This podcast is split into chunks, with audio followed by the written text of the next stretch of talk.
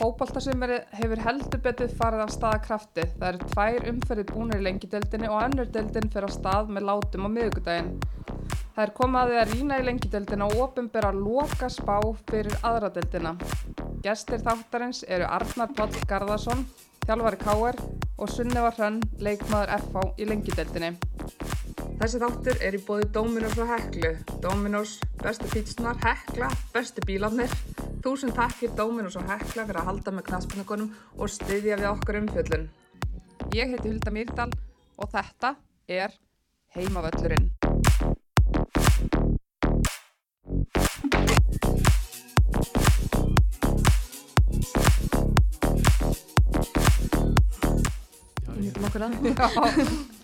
Jæja, verið sæl og margblessuð. Er er leiðis. Þið eru bæðið komið í fyrsta skipti, hvernig er, hvernig er tilfinningin? Ótrúlega. Bara mjög góð, sko. Er ekki magnuð bara. Já.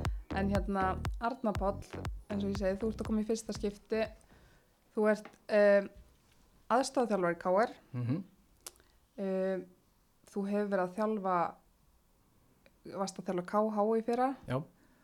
Og hérna, eða hvenar svona, hvað ertu búin að þjálfa lengi í, í meistarflokki? Uh, svolítið svona on off. Ég var náttúrulega í fjölni áður en ég kem í, í val. Mhm. Var ég mistarlega hvernig þar uh, í tvö skipti. Fyrst með Gunnar Má og svo með Palla. Mm Og svo var ég að þjálfa liðið þriðutild kalla sem er svona venslalið fjölnis, var ekki Júbetes. Og var með þá í fjóruðutildinu og, og þriðutildinu. Þannig ég er búin að vera svona undarfærin 6-7 ári í, í meistaraflokki. -hmm. Þetta er hvernig þú lítur á það. En hvernig er að skipta svona frá val yfir í KR? Hvernig, hvernig líður þér í, í svartkvítu? Bara mjög vel, ég er káringur í rauninni sko. Já, þú ert það? Já, ég hef alltaf titla mig sem káring þótt að ég sé uppalningar á þeim sko. Hérna, öll fjölskyldum minn eru miklu káringar og ég fór alltaf með pappa á alla heimalegi og alla útileiki og, og þannig, þú veist, það var meiri ánæði í fjölskyldinu því ég fór í káar heldur um val, þannig að þetta mér líði bara mjög vel þarna. Þú ert komin heim, á segja. Í rauninni. Mm En aðeins kannski um bara, verðum að íta þetta, það er fjóri leiki búinir hjá KR, 0 stig, bara þín, þín tilfinning fyrir þessu öllu saman. Hefur verið stígandi leiknum ykkar? Já, já, við, veist, við hérna, vissum alveg að þetta yrði, yrði mjög erfitt hérna, sumar á mörgu leiti en það er kannski bara margt sem hefur spilað inn í, inn í að okkur leikur hefur kannski ekki verið alveg eins og, og hérna, viljum hafa hann. Við náttúrulega fengum útlendingana leikamildina hjá tveim þeirra mjög sein Mm -hmm. og reiknaðum alltaf með þeim bara í, í fyrsta leik, spilum tvo æfingarleikir eftir í mótum átti Selfossi og, og Þór Káa sem gengur bara vel og hérna lítur bara vel út og allir undirbúningu fyrir alla leikina, í raun og vera alla leikina bara hafa verið þannig að veist, við höfum verið að reikna með ákveðinu hlutum og, og allir varnarleikur, allir sóknarleikur er snúið svolítið út á liðið sem við verið að drilla á æfingum. Svo fáum við alltaf bara pínu skell daginn fyrir leika hérna, eða seint, seint um kvöldi að leikjum vildi sér ekki komin í gegn.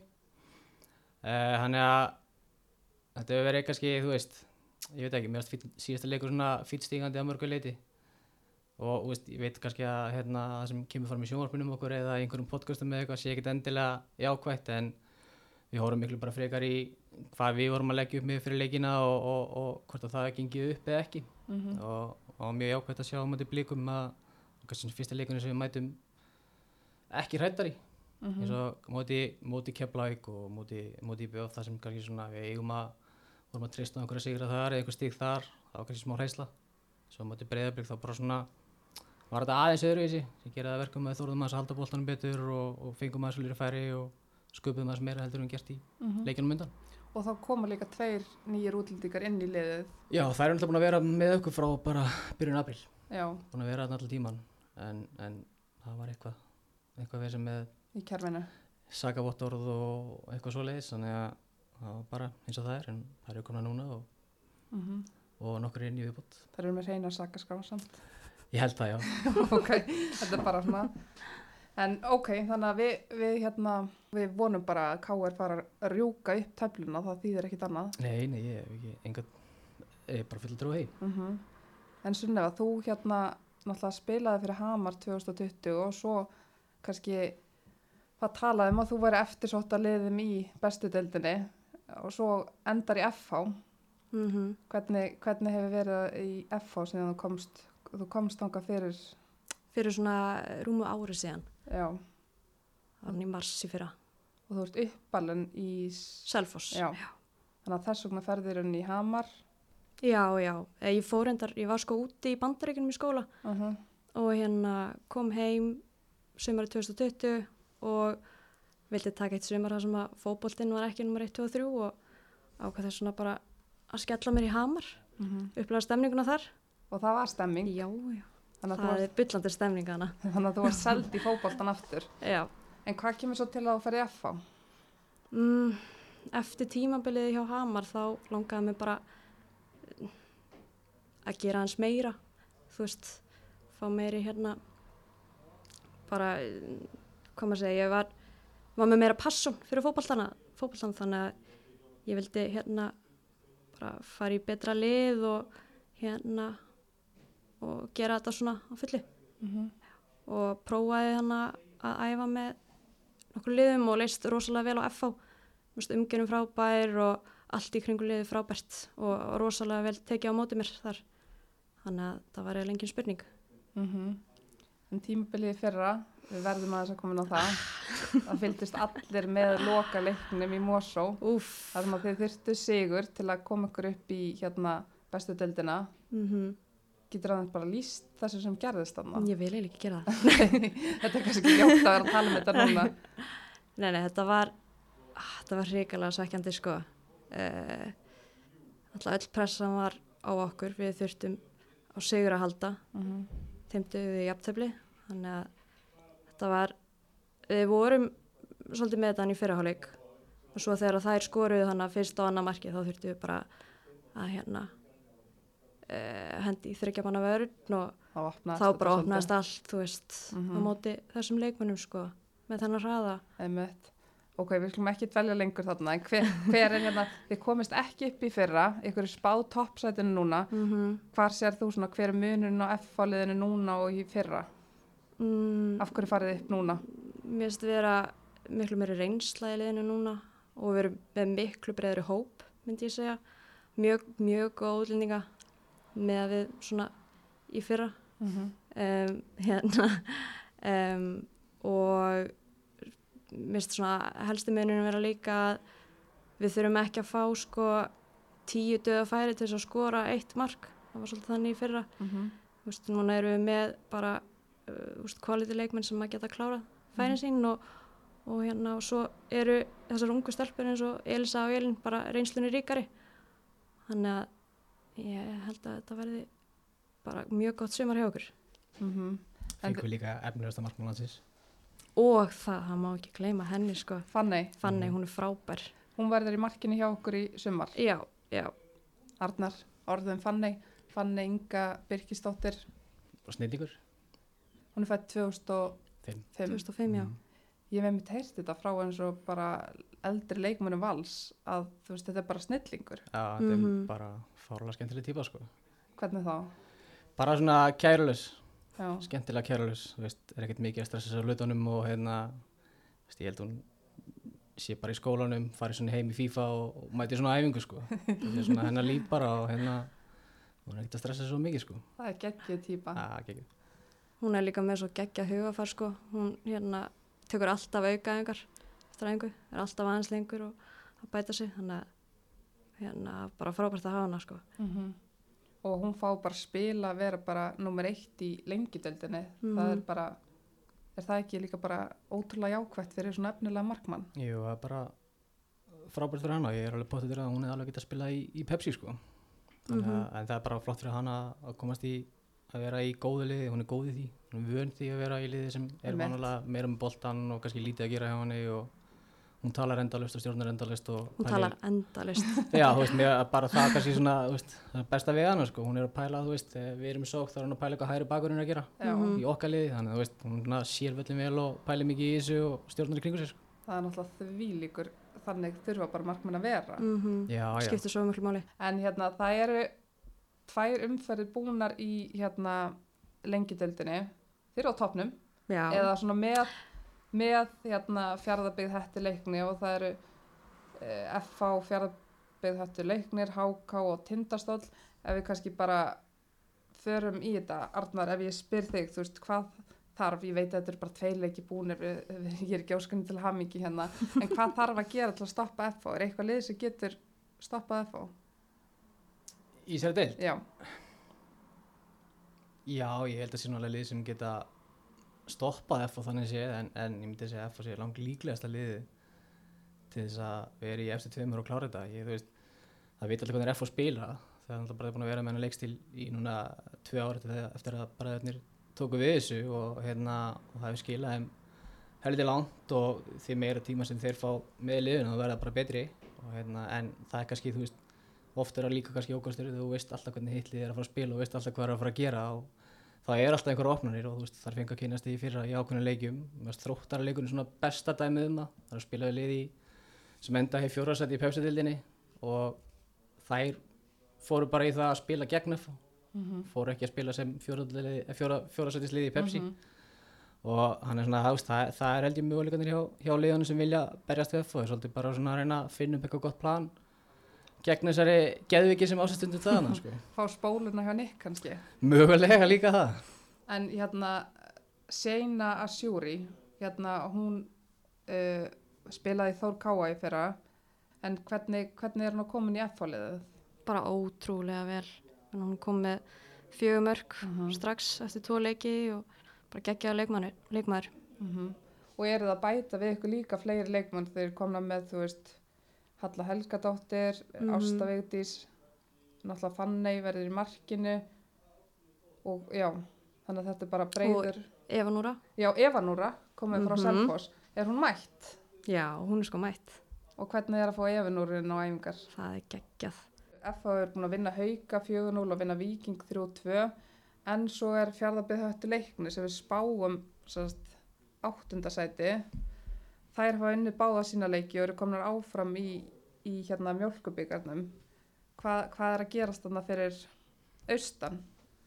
Já, Kalli bara klókur og hérna hann er virkilega góður að sækja góða ellendaleikmenn og Mhm. líka virkilega góður í að bæta íslensku leikmennina, þú veist, það er óbúslega erfitt öruglega við veturinn að vera að setja saman eitthvað lið og öruglega bara erfitt að vera með æfingar en hérna þessir útlendingar sem hann hefur sótt bæði í fyrra, við erum alltaf spil, ég, þegar ég var með KH í fyrra þá spilum við þar og þar voru við ekkert eðlilega góðar þessir Mhm. útlendingar og hérna og með hvernig það byrja tímabili núna þá virka þær heldur góðar einn kom með fimm mörg held ég þannig að hann Já. kann þetta alveg og ég, ég var með Kalla úti einhvern mann 2020 á, á Flórida að skoða leikmenn og hérna hann pæli mikið í þessu og hann veit alveg hvað hann er að gera á, á leikmennum sko. Mm -hmm. Konum með kynverska landsliðskonu Já, það er þokkalegt. Hún er búin að skora held ég á 5 í deildin og 2 í Mhm. byggarnum þannig að þú veist, Galli kann þetta. Já, já, og það er sama og þú veist, við getum tekið FA og við getum tekið mörglið það er spil alltaf sama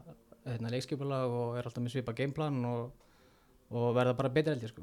Mm En hérna, liðan svo vikingur, þið náttúrulega mæti viking í síðasta leik, hörkuleikur, Mm hvernig var sá leikur? Hann var frekar kaplaskiptur myndi ég segja. Við vorum með fyrir hálfleikin alveg klárlega sko. Svo var setni hálfleikunum svolítið, svolítið erfiður hann í lokin myndi ég segja. Um, þannig að þetta var rosalega sætt. Mm Þær fengu tækifæri til þess að jafna hann í lokin en fann ekki ekki í markinu, bjarga okkur. Þannig að þið vinnið 3-2, Mm -hmm. liðinu, vikingur var heitt liði sem var spáð upp, þannig að hvernig, hvernig tilfinning er það? Mjög góð tilfinning að vinna þér sko. Líka bara, bara snemma á tímabilinu. Mm En eins og með vikingsliðu, hérna, Arnar, er þetta liðið sem þær fara upp í bestu deildina, þær eru búin að hérna, uh, komna með þrjú stig, tapa fyrir FH og eru svo búin að vinna eitt leik, hérna, er augnablik hérna, já, skoruð á 90. mínúti held ég emmitt, vinna þarna, lenda undir á móti augnablik og er ekki Kristabell sem og, og skora, já, sem skora Mhm. þrennu þarna fyrir þær, Mhm. þannig að er þetta liðið sem fer upp í bestu deildina? Já, þú veist, ég held að þetta verði allavega það er að vera nála þessu, þú veist og þær eru bara mjög velskipilar og, og svona, þú veist, vilja sækja og vilja spila bóltar á marki og allan voru þannig á undirbúrstímbilinu og lítið bara mjög vel út á undirbúrstímbilinu voru bara að spila mjög vel. Uh, svo fáðu hérna Kristoffer Linn og, og útlenska markmann og Mhm. hvort þau fekk eina í viðbútt held ég. Þannig að ég held að þeim sé alveg alvar um að fara upp og, og John hefur svo sem alveg talað um það að hann vill að standardin í, í kvennaliðinu sé bara svo sami og í kallaliðinu þannig að þá hlýtur náttúrulega bara að krafa um að, að fara upp. Og þetta er bara skemmtileg blanda líka. Þar eru með unga stelpur hana sem eru bara mjög efnilegar ásamt því að vera bara með eldri leikmenn og, og, og mjög góð líka þannig ég held að vikingur ætti alveg að vera góðu kandidati til að fara upp? Mhm. en samt sem aðra er búin að fá sér fimm mörgnum í fimm leikjum og Einmitt, er það áhyggjafni? Þeir eru búin að skora fimm, fá á sig fimm, þú veist, er þetta eitthvað sem verður, ég held að það er mjög alveg að hafa smá áhugjefni af, af vörninu á sér. Þeir eru búin að fá sér fimm mörg og eitt að þeim eru á móti í liðin sem á spáfalli. Mm þá held ég að hann þurfa eitthvað að finna eitthvað hjálpa þetta á milli að sækja og, og, verjast. Mhm. ég meina því skoruðu það er svona eitthvað sem, eitthvað sem þarf að vinna í þar eða ætla, eða ætla að fara upp? Já, og svo er einmitt lið eins og tindastöld sem er í þessu deild sem að spilaði í bestu deildinni fyrra, þær hafa til dæmis ekki fengið á sig mark í, í hérna fyrstu tímuleikinum og hérna Mjúriel heldur áfram að skora í, í, í, lengideldinni, tvö mörg, af hverju skoraði hún ekki svona mikið í bestu deildinni fyrra? Bara mikill munur á, á deildunum. Ég held að það sé að koma svolítið í ljós núna og hérna og, og svo bara þetta týttist alltaf aðeins að breyta sínum leik og þá kannski hendar hún aðeins verð í það verkefni.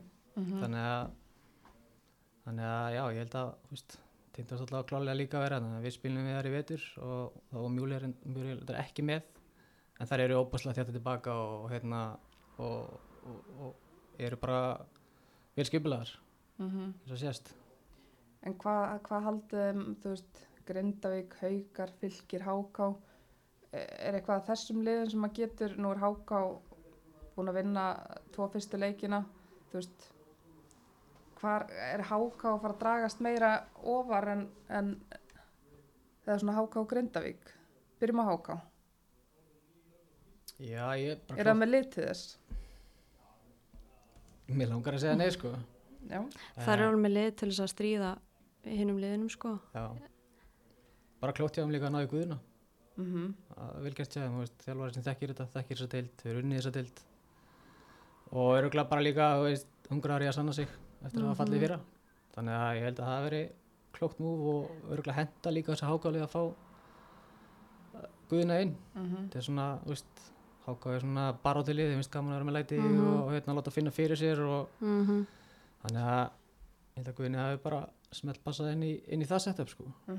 En það er sem þær eru núna líka byrjar, þær eru byrjað að skora mörg núna. Já. Það eru búin að skora hellinga mörgum í fyrstu tveimu leikjunum. Þannig að er þetta lið sem að getur kannski bara skriðið ofar? Þú vilt segja nei, Sunneva segja já, Ég held að það er alveg verið í topp 5, já. alveg klálega. Mm -hmm.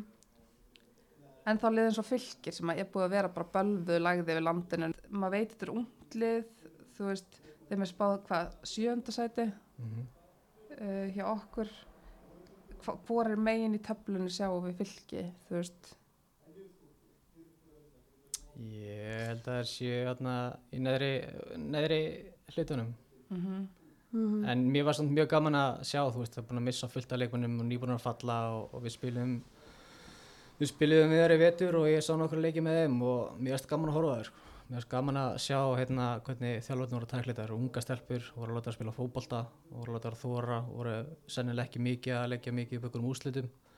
Þannig að það er bara eftir að bæta sér ég og, og ég sé það ekki fara upp í topp 5 en ég held að svona ættalega að geta reynt að tróða sér hanga -hmm. en ég sé það ekki alveg gerast og ég hef ekki hýrt alveg nægilega góð hluti um útlendingana sem voru að fá og það er alltaf skiptir rosalega miklu máli fyrir mm -hmm. ungt lið Fengu við hennu benga sem við þekkjum Já, frá já. haugum. fengu held ég framar frá Englandi skilst mér Mhm. og hérna þannig að já, ég er bara svona, þú veist það er þurft að styrkja sig eitthvað aðeins meira eða það er alltaf að vera í toppártunni Mm Já, en þið spila á móti haugum, er það ekki í fyrsta leik? Jú, Já. Þær eru í vesinu, þær tapa náttúrulega fyrir ykkur og tapa svo á móti Grindavík. Mhm. um, hvernig var að mæta haugun? Nú hafi þetta alltaf verið bara F á haugar, haugar F og þetta eru risa leikir.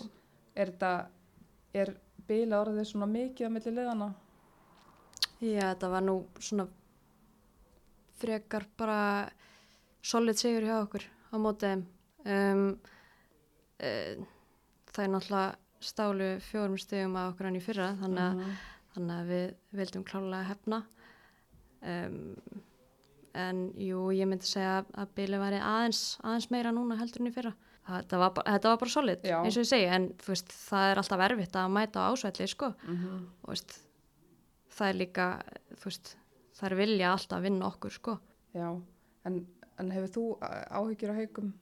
Já, tölur ágjör. Líka bara þegar þú ert fann að lána, hvað maður að segja, efnilegasta leikmanniðin í val Mm og, þú veist, og hún er á bekknum þar, þá er eitthvað skrítið í gangi, ég sko. Mikaela Nótt, Já, já. hún er búin að reynslu hann í Lilleström, minni mig og, eitthvað svoleiðis og, og hérna, ef þú getur liftir að, ég veist svo sem ekkit hvað hva gekk á Nei. þar og, og val vanta, vantalega vantaði einhvern backup fyrir eh, fyrst að Arna fór í Þór Káa en ég veist, þetta er alltaf skrítin skilabóð í hópiðin af því að haukar hafa alltaf talað um að við langi að fara upp og stefnum að fara upp sérstaklega það Jakob var þarna og, og í fyrra held ég að það nú alveg líka verið talað um að, Mhm. að það er alltaf að fara upp þannig að já, ég er svona hef alveg töluverar áhugir á haukum Mhm. Og ég held svo með þessu teimi, þetta er Jóna og, og Katrín úr Vesturbænum með mitt, þannig að Mhm. mér langar í haugagalla en ég bara hef áhyggjur af þessu af því að þú veist, haugar hafa alltaf verið í, við toppin þannig og hafa verið að berjast um að komast upp en þetta er einhvern veginn, það verðist að vera lengra í þetta núna, Mm það er kannski Já. áhyggjafni með að við byrjunum allavega hana en hérna fara augnablik og fjölnin niður Já, ég held það. En augnablik svo sem fekk ágæti styrkingu núna bara rétt fyrir gluggalokk og ef það eru allar að fara að spila, það er einhver meðsli eins og Bergþóra og, og Margrét Brynja eru búin að vera að glíma einhver meðsli en ef þær ná að koma sér í gang og spila eitthvað fyrir þetta þá held ég að augnablik þá er það bara komið ágætis lið mm -hmm. En eins og staðan er núna þá held ég að vera alveg vissin þetta er unglið og veist þar mætur öll óhrættir alla leiki og hafa svolítið gaman að þessu. Og eins og múti, múti hérna viking Mhm. að standa bara vel í heim og, og gefa þeim góðan leik það segir heldur mikið. En ég held að þetta veri svona erfitt suma fyrir það sko. Langt semar já, en eins og fjölnir fjölnir skítapar 6-1 fyrir fjárðabíð hætti leikni og svo hérna tapar fyrir HK 4-2 og hérna Sara Montoro er búin að skora tvö mörg en hérna og svo sá ég reyndar gleði tíðindi hérna Alda Alda Ólafs sem að vari mitt hérna skoraði mörg fyrir afturöldingu 2020 hvort hún sé að koma tilbaka eftir badnegn hún er alltaf múin að spila alveg já, í einhver tíma hjá þeim núna. Það er það er það er mjög stærst sko. Mm og það fengur náttúrulega þrjá eða fjóra útlendinga núna bara rétt fyrir glukkulokk og ég með það tapa náttúrulega nákvæða 6-1 Jú, fyrir jú. fjárðarbið og það voru ekki markmanni þeim leik. Nei, það kom markmaði núna. já, hún er, það sem ég veit að hún sé bara virkilega góð, ég veit að voru einhver lið held ég í bara eftir skoðuna Já, og hérna og voru mikið að pæla í henni þannig að mér skilst að hún er alveg að geta hjálpað þeim heldur mikið. Mm en ég veit lítið um, um hinn útlendingana. Það spilu hérna í síðasta leik. -hmm. og það sem ég heyri allavega frá þeim leika þetta er bara að vera hörkuleikur á móti háká og ef Sara kemst í gang og er í þokkalega standi og hérna alltaf skor eitthvað mörg þá þetta er alveg verið í ágættismálum mm en ég held að það sé sama á mögnablik þetta verður erfitt sumar. Það var fínt að hafa þetta og, og júla þarna. Þeir eru miklu stemningsmenn og geta reynda að halda gleðin í þessu mm En svona að þú, það er kannski, þú situr hérna hjá okkur Ég og, er svona, má ég tjá mig um þetta? einmitt, er ég, við, að er við, ég vil bara heyra eitthvað svona sleggjum á þér ég ætla að mæta þarna og rústa þessum liðum sko. já, þeir eru náttúrulega með svakalegt lið og við förum ekkert í kringum það. En hérna, hver er skemmtilegust í aðfáliðinu? Hver heldur stemmingun uppi þarna? Herri, það er Rannveig Bjarnar. Hún er fyndnist. Já, hún er stemningskona. Fleiri? Fleiri, Já. fleiri trúðar? Halla Helga, Já, hún er líka mjög fyndin. Og svo á Maggia til að vera mjög fyndin á æfingum. er mikil hérna, samkeppni eða þú veist, er, eða er mikið, hva, hvernig orðið þetta? Ég, ég myndi alveg segja að væri sko alveg frekar mikil samkemni núna eftir að, eftir að við fengum þessa leikmenn Mm bara fyrir stuttu fengum náttúrulega Efinúru og svo var Hildur Marja að koma tilbaka frá Mhm. bandaríkinum svo voru líka að fá hérna Valgerðósk sem að var í fylki þannig að við erum með já, mjög sterkan og breiðan hóp Þannig að það er alveg verið að takast vel á æfingum. já, Þannig á þetta að vera. þannig að þetta vera sko En hérna, önnudeldin, þá er komið að því. Er hérna, hún hefst á miðvíkudaginn og sérst, við fórum yfir leikjaskipulagi hérna í, í ótímafélsfanni og þá er hérna, eitthvað aðeins breyst, en þá er uh, planið þannig í annar deildinu að spilið einföld umferð og hvert lið fær þá 11 leiki og, og 6 efstu sætin í fyrir hlutanum halda áfram og taka stíin með sér og leika innbyrðis einfald umferð. Og svo 6 neðstu um, leika líka einfald umferð. Og hérna Arnar þú saði mér á þetta það, þeir tóku við sér þarna í, í, í mótanemdin eða hvað Já, ég held að þetta er svolítið flókið í fyrra að, veist, að því að við fengum alveg, sérst, við þjálfararnir og, og forramenn fengum alveg e-mailum, veist, og við áttum að koma með hugmyndir hvað okkur fannst að vera besta hugmyndin og, og hvernig var best að gera þetta. Uh, það var bara pínu flókið mál en, veist, hvernig þetta endaði var ekkert endaði held ég besta lausnin, að spila tólleiki, minni mig að 11 leiki og, og síðan, bara fjóður efstiliðin upp í þitt og svo bara búið sumarið Þú veist, þriði flokkurinn hjá mér í, hjá Vali fyrir að spila held ég einum að hálfu mánuði lengur heldur en önnöld hvenna þannig að veist, það var ekkert frábært en, en mér líst bara alveg ágætlega á, á þessa laust Já, og náttúrulega þetta átti að vera fyrst þannig að það fó- fóru bara sex efstu liðin að spila áfram og hinn liðin átti bara að fara í sumafrí en, en því hefur verið breytt og þau fá að spila einfald, umferð. Er þetta nóg margi leikir fyrir aðra deildina? Mér finnst, það ekki, ég meina ef þú ert að skráði í þessa deild og ætlar að taka þátt og, og, og hérna ætlar að gera þetta einhver alvöru þá getur ekki verið sáttu við einhverja 16 leiki yfir heilt tíumbil Nei, það er allt á lítið.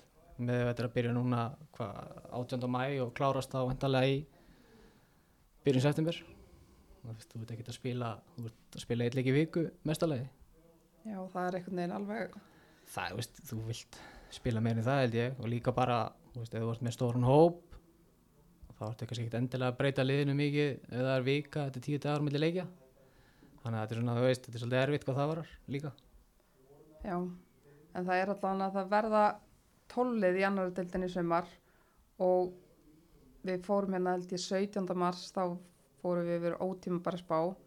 Við erum búin að ruggla vel í henni því að það er meira búið að koma í ljós og við erum ykkur meira nær sem við verðum að vera það eru sólarhingur í að þetta hefjist en hérna ef við þá ekki bara byrja á það er loka spáin 12. sæti og þar ætlum við að setja K á knattspinnufélagið á ásvöllum með þess að varalið hauka Arnar, hvað hérna af hverju endar K á neðst?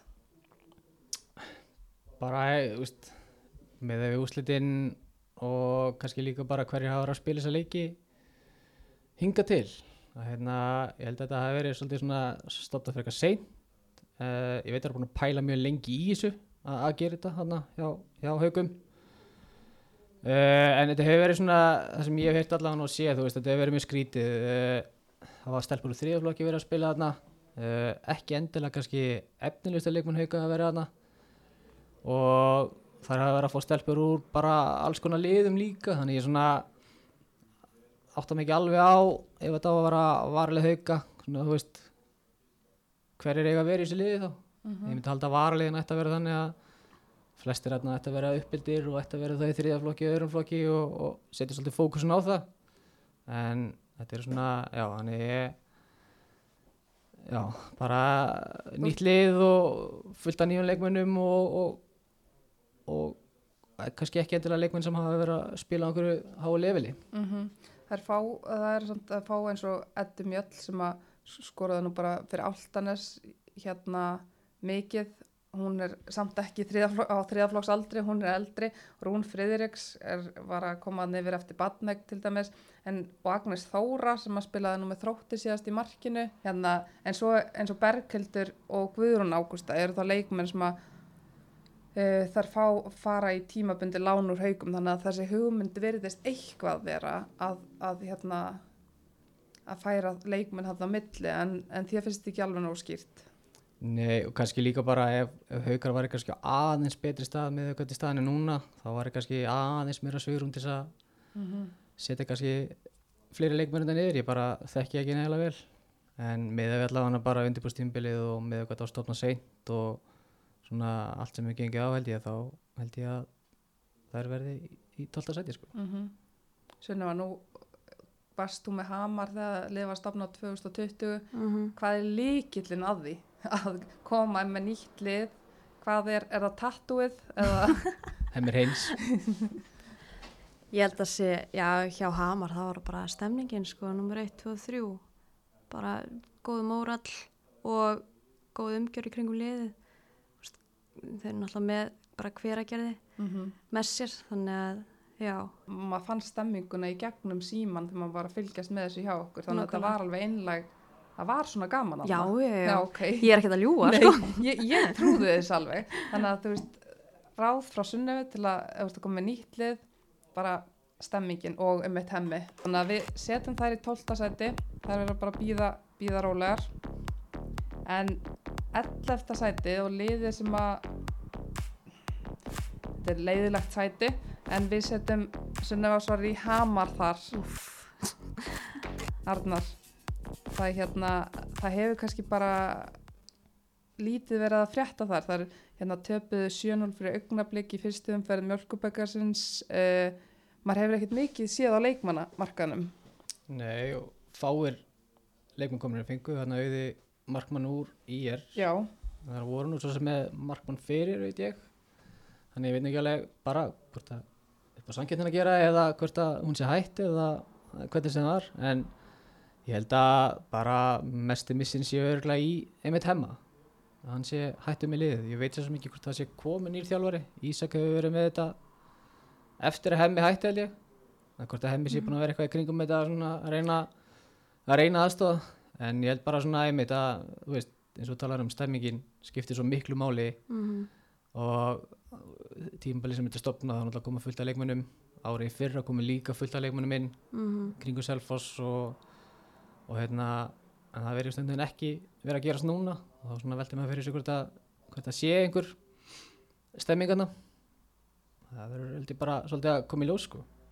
En ég sá það spilum að þetta fram einhvern mann fyrir í vetur og mér veist það bara að lúka ágætlega að hérna og þú veist þá fannst mér ekkert endilega að benda til þess að ég myndi henda þeim í 11. sæti en það er kannski, þú veist, meðan hínlinn hafa verið að styrkja sig og fá fullt af leikmönnum og hérna, meðan þá er hama kannski ekki verið það og og hann að það missa, missa þjálfurinn sinn sko. ástæðan fyrir að við setjum þar í 11. sæti er meira bara einmitt hvað önnur lið hafa verið að gera mm -hmm. en hérna svona hvað Mhm. þarf ég meina Dagný Rún Júlían er þarna þá Brynja Valgeis hvað þurfa þessar hérna vinkonuðinar að gera til að til að koma þannig að það rendi ekki bara í 11. sæti Já.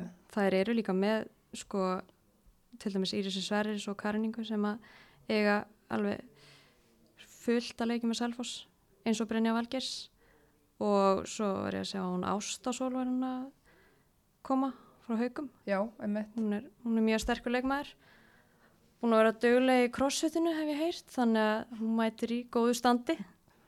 ekki spurning, þú ert einmitt átt heim í crossfit salum þá, já, þetta getur ekki engin með en hérna þannig að viltu mótmæla þessu? Nei, ég get ekki Já. sett ég get ekki sett undir rútuna við Arnar hérna tökum þetta á okkur en hérna næsta lið tíundasæti sleppa við hann fellur enginn úr þessu deild bara nið, þetta er hálfgett niðurfall hann að 11. og 12.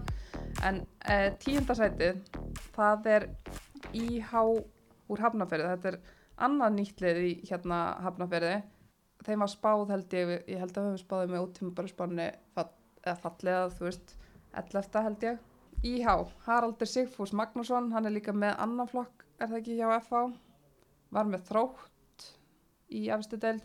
Þetta er nýtt verkefni en þetta er svakalegur hópur.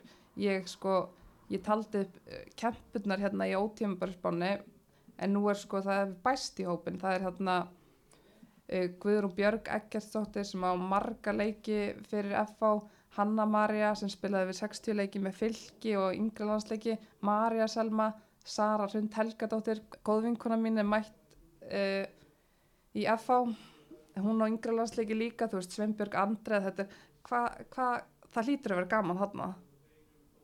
Ég bara, kannski veist betur hvernig ég það virkar, það, sko. ég bara ég veit ekki alveg, Svo er líka fullt af stelpum hérna um, úr æfingahófnum okkar sem að er að spila með IH og bara mjög efnilegar og góðar þannig að ég held að þeir náðu mögulega að klifra eins og var mín skoðun Mm já, ég held að það sé alveg bara ekki óleiklegt sko, en eins og sé, ég bara velti fyrir mig hvernig þetta er, þú veist, hvernig æfa er og þú veist, hvernig standir það er og, og hver er að fara að mæta í leikina. Því að, þú veist, þetta eru mörg nöfn sem voru að koma og hérna margar hverjar hættar í fótbolta. Mm -hmm. Þú veist, eru þær að fara að mæti alla leiki, eru þær að fara að æfa? Af því að þú veist, ef þú ef þetta á að vera gott þannig að þurfa allir að vera í standi og það þarf að vera einhver taktur í liðinu og hérna, það þarf að vera eitthvað plan og bakveit allt saman það er ekkit endilega bara nóg að hendi inn fullt af góðum leikmunum og halda að þetta gerist það sjálf í sér -hmm. þannig að já, ég bara það verður mjög skemmtilegt að sjá þetta hvernig þetta smellir saman sko. En er þetta ekki einmitt meira, uh, þú veist, er þetta ekki meira einmitt þetta eru yngri Já. og svo þessar er að koma í bland með sem eru þá. Mhm. Ég held að sé í- meira að vera sko einmitt, að byggja þetta upp í kringum þessar ungu stelpur. Mhm.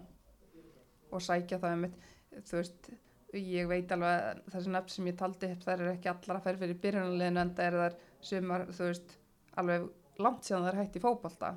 En hafa haldið sér kannski einhvers konar form en það er náttúrulega annað að vera í fótboltaformi.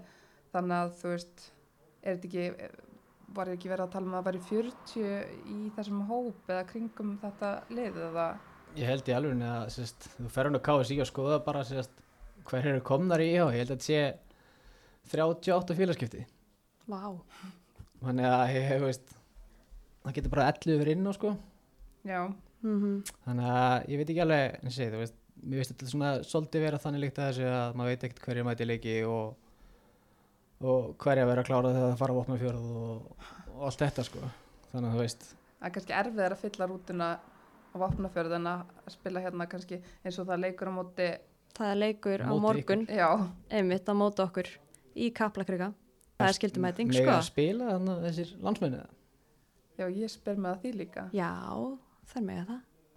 Já, og mér finnst bara gaman að sjá líka að þú veist, ég kannast alveg við nokkur nöfnum að maður hefur spilað svolítið mikið á móti stelpum yngri flokkunum eins og hana, Katin Ástu og Katinu Viljáms og, mm Mhm. og Þórdísi þeim og þetta eru bara flottir leikmenn sko Já, sem er svo. alveg eftir að hérna, geta gert góða hluti í þessari dild sko Mhm. mm Og eru þær, þú veist, þessi leikmenn svo Katrín Viljáms og þessar, eru þær, er þetta gott skref fyrir þær að vera þarna að spila í Ja, annar bara deildinni? allan Ég Já, Mér finnst með svona unga leikmenn sem eru í kringu þriðaflokkin og annarflokkin þetta er bara leikmenn, þeir eru að vera að spila -hmm. að hérna, frábært þú getur eftir með meistarflokknum og, og meistarflokknum er góður en að endan þá verður að spila þú veist ekki að fara að bæta henni endalvist á því að vera alltaf bara að æfa mhm, þannig að ég held að þetta sé bara gott skref hjá FH mhm. Þannig að við erum bara spennt að fylgjast með þessu nýja verkefni í, í hérna, hafnaferðinum. En þá er komið að nýjunda sæti og það er liðið frá vopnaferði. Einherri lendi í nýjunda sæti í fyrra í annari dildinni. Það eru komnar með þetta er fjóra útlendinga núna. Fengu Þorbjörgu Jónu líka sem að var að spila í Grindavík. Hún er frá vopnaferði, það er jákvætt en þær hafa spilað töpuði fyrir Völsungi 4-0 í fyrstum umferð í mjölkubyggarnum. Arnar, hvað einherji er hérna nýjunda sætið? Mér finnst þetta geggja dæmi og hérna uh, bara að lið frá vopnum fyrir haldi út kvennaliði og ekkert nóg með það, þá voru þær í aðdeildi þriðaflokki fyrra og og, og bara mjög skemmtilegt að spila þetta lið í fyrra, bæði í þriðafloknum eða fyrir tveimur árum í þriðafloknum og, hérna, og í, í, í dildinu fyrra bara unga stelpur hana líka sem eru bara góðar. Það var nokkri hana að vera á úrtökum í á 16 sínum tíma, stelpur svætta 2004 og 2005 þannig að mér finnst þetta bara mjög virðingavert og, og að geta haldið út liði og að vetna því að vilja vera með lið. Og það eru fínustu fótballtamenn einu milli. Og sér er bara spurning hversu, hversu góður þessir útlendingar eru. Mér finnst það ekki nægilega góður í fyrra. Það var eitthvað þar átt að koma á þjálfaliðið og það gekk ekki upp og svo sem við liðið núna sá eða um þetta í fyrra Kólef, já. já. þannig að svona, ég held að það verði betri enn í, enn í fyrra bara reynslinu ríkari og ég held ég hugsa að útlendingarnir þeir velji þá aðeins betur núna og, og hérna, það styrkilið en þá meira Mm Þetta er líka bara, þú veist, þetta er svo geggja, það eru allar, það eru núst allar sem eiga, eiga takkaskoðuna bara í bænum, þú veist, nú spilaði ég með um eitt sumar þarna 2015 og þetta er, það er magnað að fylgjast með þessu og þú veist, líka bara það er ekkit skemmtilegt fyrir lið að ferðast alla leið á vopnafjörð, mæta þannig völl og það er allir í bænum sem standa á hliðalínni bókstallega hver einasti, það er lokuð búðin líka við á meðan, þannig að þú veist er, þú getur mynda al, algjört við þarna þú veist, eh, leikmaður setur í rútu kannski í átta tíma eða eitthvað, ég veit það ekki, mm. þú veist, þú, þú er komið brjóskloss, þær er að nýta sér þetta? Já, ég ég hef náttúrulega farið allt og oft aðna því þegar ég var í þriðdeildinni þjálega í þriðdeildi kalla þá var einir í líka í hérna, þeirri deild. Þannig ég fór held ég þrýs á þongað og svo núna held ég farið tvísar að þrýsa með val. Og veist, við flugum þetta er bara, ég hef einu sinni farið án þess að fljúa þá fórum við daginn áður. Þetta er 10 til 11 tíma ferðalag í rútu. Og það er ekki tjók, þú gerir það ekkert að leikti og, hérna, og þetta geta nýtt sér þetta ef liðið ætla að gera það að, hérna, að fara að keira í leikinu á mótið um samdægis að ferja heldur snemma snemma að stað og, og hérna eða þó að, leik, þó að liðin fljúi, ég minna þú ert að koma í þennan bæ, það eru eiga bara búið til bilaða stemmingu þarna. Ég held allavega að ég sem þjálfari sérstaklega í, í, hérna, með, þegar ég var með kallalið sérst, í, í þrjúðildinni að hlutinni sem ég fekk að heyra á hliðinni eru þeir vestur sem ég fengi að heyra sem þjálfari sko. þeir stóðu bara einhverjur þrý gamli kallarandi fyrir aftan varmarbekkin og gjössanlega jörðum hann sko. Það var ekki alveg kannski svo samastemming hérna hvenna megin en, en samt sem aðra þá mæta mæt allir á leikina og hérna það er gaman hann sko bara gefa þessum þrem árskort á hvenna leikina ég, ég minna því þið hljóta að vera með það og vel það kannski Já. en eitthvað meira en vopnafjörð það er bara þú veist við setjum það í nýjundasæti þetta getur, það geta geta það farið ofar Nýjunda? Já. Ég held að það séu svo litið eftir eftirlíðan sem er að fara að koma næst. Mögulega kannski eitt sæti upp eða eitthvað líka en ég held að það séu alveg svolítið frá hinuleðunum Já. En hérna þá erum við komin í áttundasæti og við setjum alltanis í áttundasæti en það er voru í elleftasæti fyrra í annar dildinni þetta er, er orðið að varliði stjórnunar það hefur orðið þarna mikil breyting eh, síðan að bara já, þetta var alltaf sami kjarnin í Altanesi, nú er þetta orðið svona varlið, þetta er mest stelpur núna, þú veist, annar þriðaflokk stelpur, 0,7 stelpur sem eru að koma upp í þriðaflokk, þú veist, um, halda sama þjálfara, þjálfara og Axel Örd kemur inn sem aðstofþjálfari, Hva, hvað segjum við um þetta, hva, hvað segjum við um þetta verkefni stjórnunar? og Altanes Já, veist, ég veist þetta bara skemmtileg pæling og þetta er náttúrulega kannski bara svipað og ég, ég þekki til með KH að það er bara að vera svona að reyna að gefa þessum leikmunum aðeins kannski flóknari og er verið að leiki heldur en þriði flokkurinn og sérstaklega annar flokkurinn er.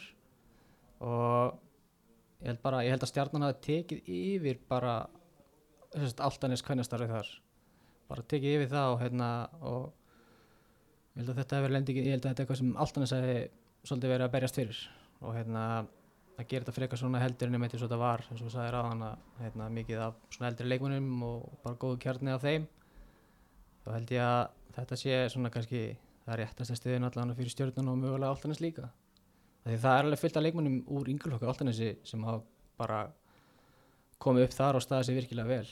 Og það er bara mjög vel síðan hlutana hjá Altanesi þannig að þetta kannski meika bara gott sens hvað, hvað það var að gera þetta svona Mm þannig að þetta er bara unglið og hérna og, og svipaða kjarni og, og í fyrra -hmm. Leikmenn sem að við erum að fylgjast með þarna, eitthvað svona yngri leikmenn, er ekki, hérna, hrefna er hún ekki úti held ég núna með 16, Jú, passar. þannig að eru fleiri, eitthvað fleiri sem við verðum að horfa á þarna? Já, misti við svolítið var að æfa uh, með stjórninni og, og var að koma svolítið inn á uh, og hefur verið í úrtökum hjá því 17 Mist Smáradóttir. Hún er hérna leikmaður sem máli klálega fylgjast með og mér fannst alltaf ein hérna, sem er algjörlega stólið um minn nafni núna síðan ég spilaði við Altanes, hún mér fannst hann alltaf uh, mjög skemmtileg Nú eru allir að hugsa er þetta að tala um.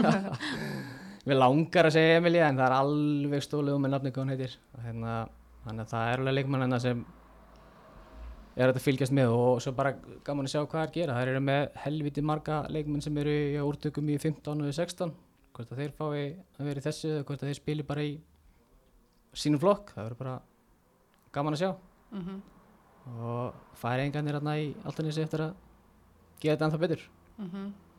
Seli aðstofþjálfur er náttúrulega bróðin færiðingur, umkringst færiðinga alltaf daga, það er bara færiðinga komin í stjórnuna þannig að þetta verður einhver góð stefning hérna Mhm. á Altanesi.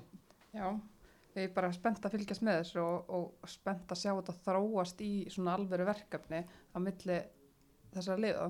Já, og, og, og það eru góðir flokkar að koma upp í stjórnunni og hérna fór í úsleikin í fjóraflokki fyrir að minni mig og, og er bara með öflugan þriðaflokk núna þannig að það ætti alveg að vera nægur efni við til þess að haldi þessi liði gangandi en hvort þetta sé liði sem ætla sér að fara upp eða eitthvað svoleiðis það held ég, ég veit ekki hvernig hver framtíðasýnin er þar sko. Nei, er þetta ekki bara raunhaft líka að setja þær í áttunda sæti, þetta eru mjög mikið ungar stelpur, þú veist, geta þar, geta það dreigist eitthvað neðar eða er þetta það góður ungar stelpur að þú veist, þær geta farið á vopnafjörð og bara láta öskra á sig og, og Já, tekið já, þrjú steg heim.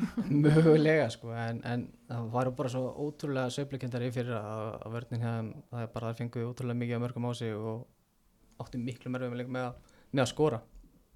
Þannig að það þarf eitthvað, eitthvað að lagast þar. Já, en það fengið svo sem alveg ágætis leikmenn hönnu úr stjórninni og, Anita líka ef hún spilar eitthvað. Já. er það eftir að gera helviti mikið fyrir þær. Já, Hanna Sólur spilaði með Háka á síðasta tímabili, já, einmitt, og Anita Ír, einmitt, Mhm. sem við erum búin að, já, mjög spennt að fylgjast með bara hennar þróun í stjörnun, en hún er núna komin í lán þarna yfir og hún ætti að geta verið bara langbæsti leikmaður. Já, mann er grunar að stjarnan sé bara að lána hana í, í fyrir hlutana glugganum og, og kalla hana tilbaka, bara að koma henni í, í gang finnst mér heldur líklegt. Mm En þá erum við komin í sjönda sæti, fram. Eh, Við hittum Óskar Smára hérna fram með, hérna þjálfara fram. Á þann, hann fór aðeins yfir þetta með okkur en við setjum þær í sjönda sæti, ég veit ekki hvort hann var sáttu við það, ég held að hann sé sáttu við það, við erum bara spáð aðeins neðar og svo hérna er hann og Anita með eitthvað, eitthvað djús í, í pókahotninu en það er hérna að tapa 5-0 fyrir Viking í mjölkubyggarnum eru mjög nálátti að fara upp í fyrra uh, en tapa fyrir fjárðarbygg þetta er leikniðan í úslitaðinveginu uh, þar hafa fengið uh, Anna Brahl kom frá Sindra og svo er það komna með þrjá erlenda leikmenn. Hvað saði Óskar smárum með þessa erlendu leikmenn? Á, á ég að segja það? já, hvað er með það. Já, hann sagði að- að frammeirinn er að myndi vera markaðist í dildinni er það þá er það, er það hún hérna? Jessica Ray. Já, frá bandaríkjunum. Já, Mm.